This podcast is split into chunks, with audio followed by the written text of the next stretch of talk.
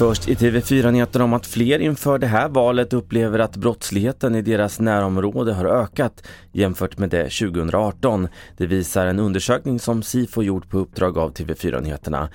Men att många upplever att brottsligheten ökat betyder inte nödvändigtvis att den faktiskt gjort det. Det säger Anna-Karin Ivert som är biträdande professor i kriminologi på Malmö universitet. Det kan absolut vara så att det sker fler brott i de här områdena där de här personerna som har svarat bor. Men det skulle också kunna bero på att det här är frågor som får allt mer uppmärksamhet och därför kanske man ser mer saker eller tror mer saker om hur det, hur det är i området. Att kombinera olika covidvaccin ger likartat skydd som när samma vaccin används för alla doser. Det visar en ny studie från nordiska myndigheter. Studien bygger på vaccinationsdata för 23 miljoner invånare i Danmark, Finland, Norge och Sverige. Sist om att det råder oenighet kring startlån till de som köper sin första bostad. För medan Finansinspektionen sågar förslaget så är Konjunkturinstitutet positivt.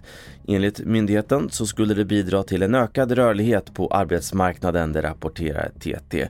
Fler nyheter på tv4.se. Jag heter Carl-Oskar Alsen.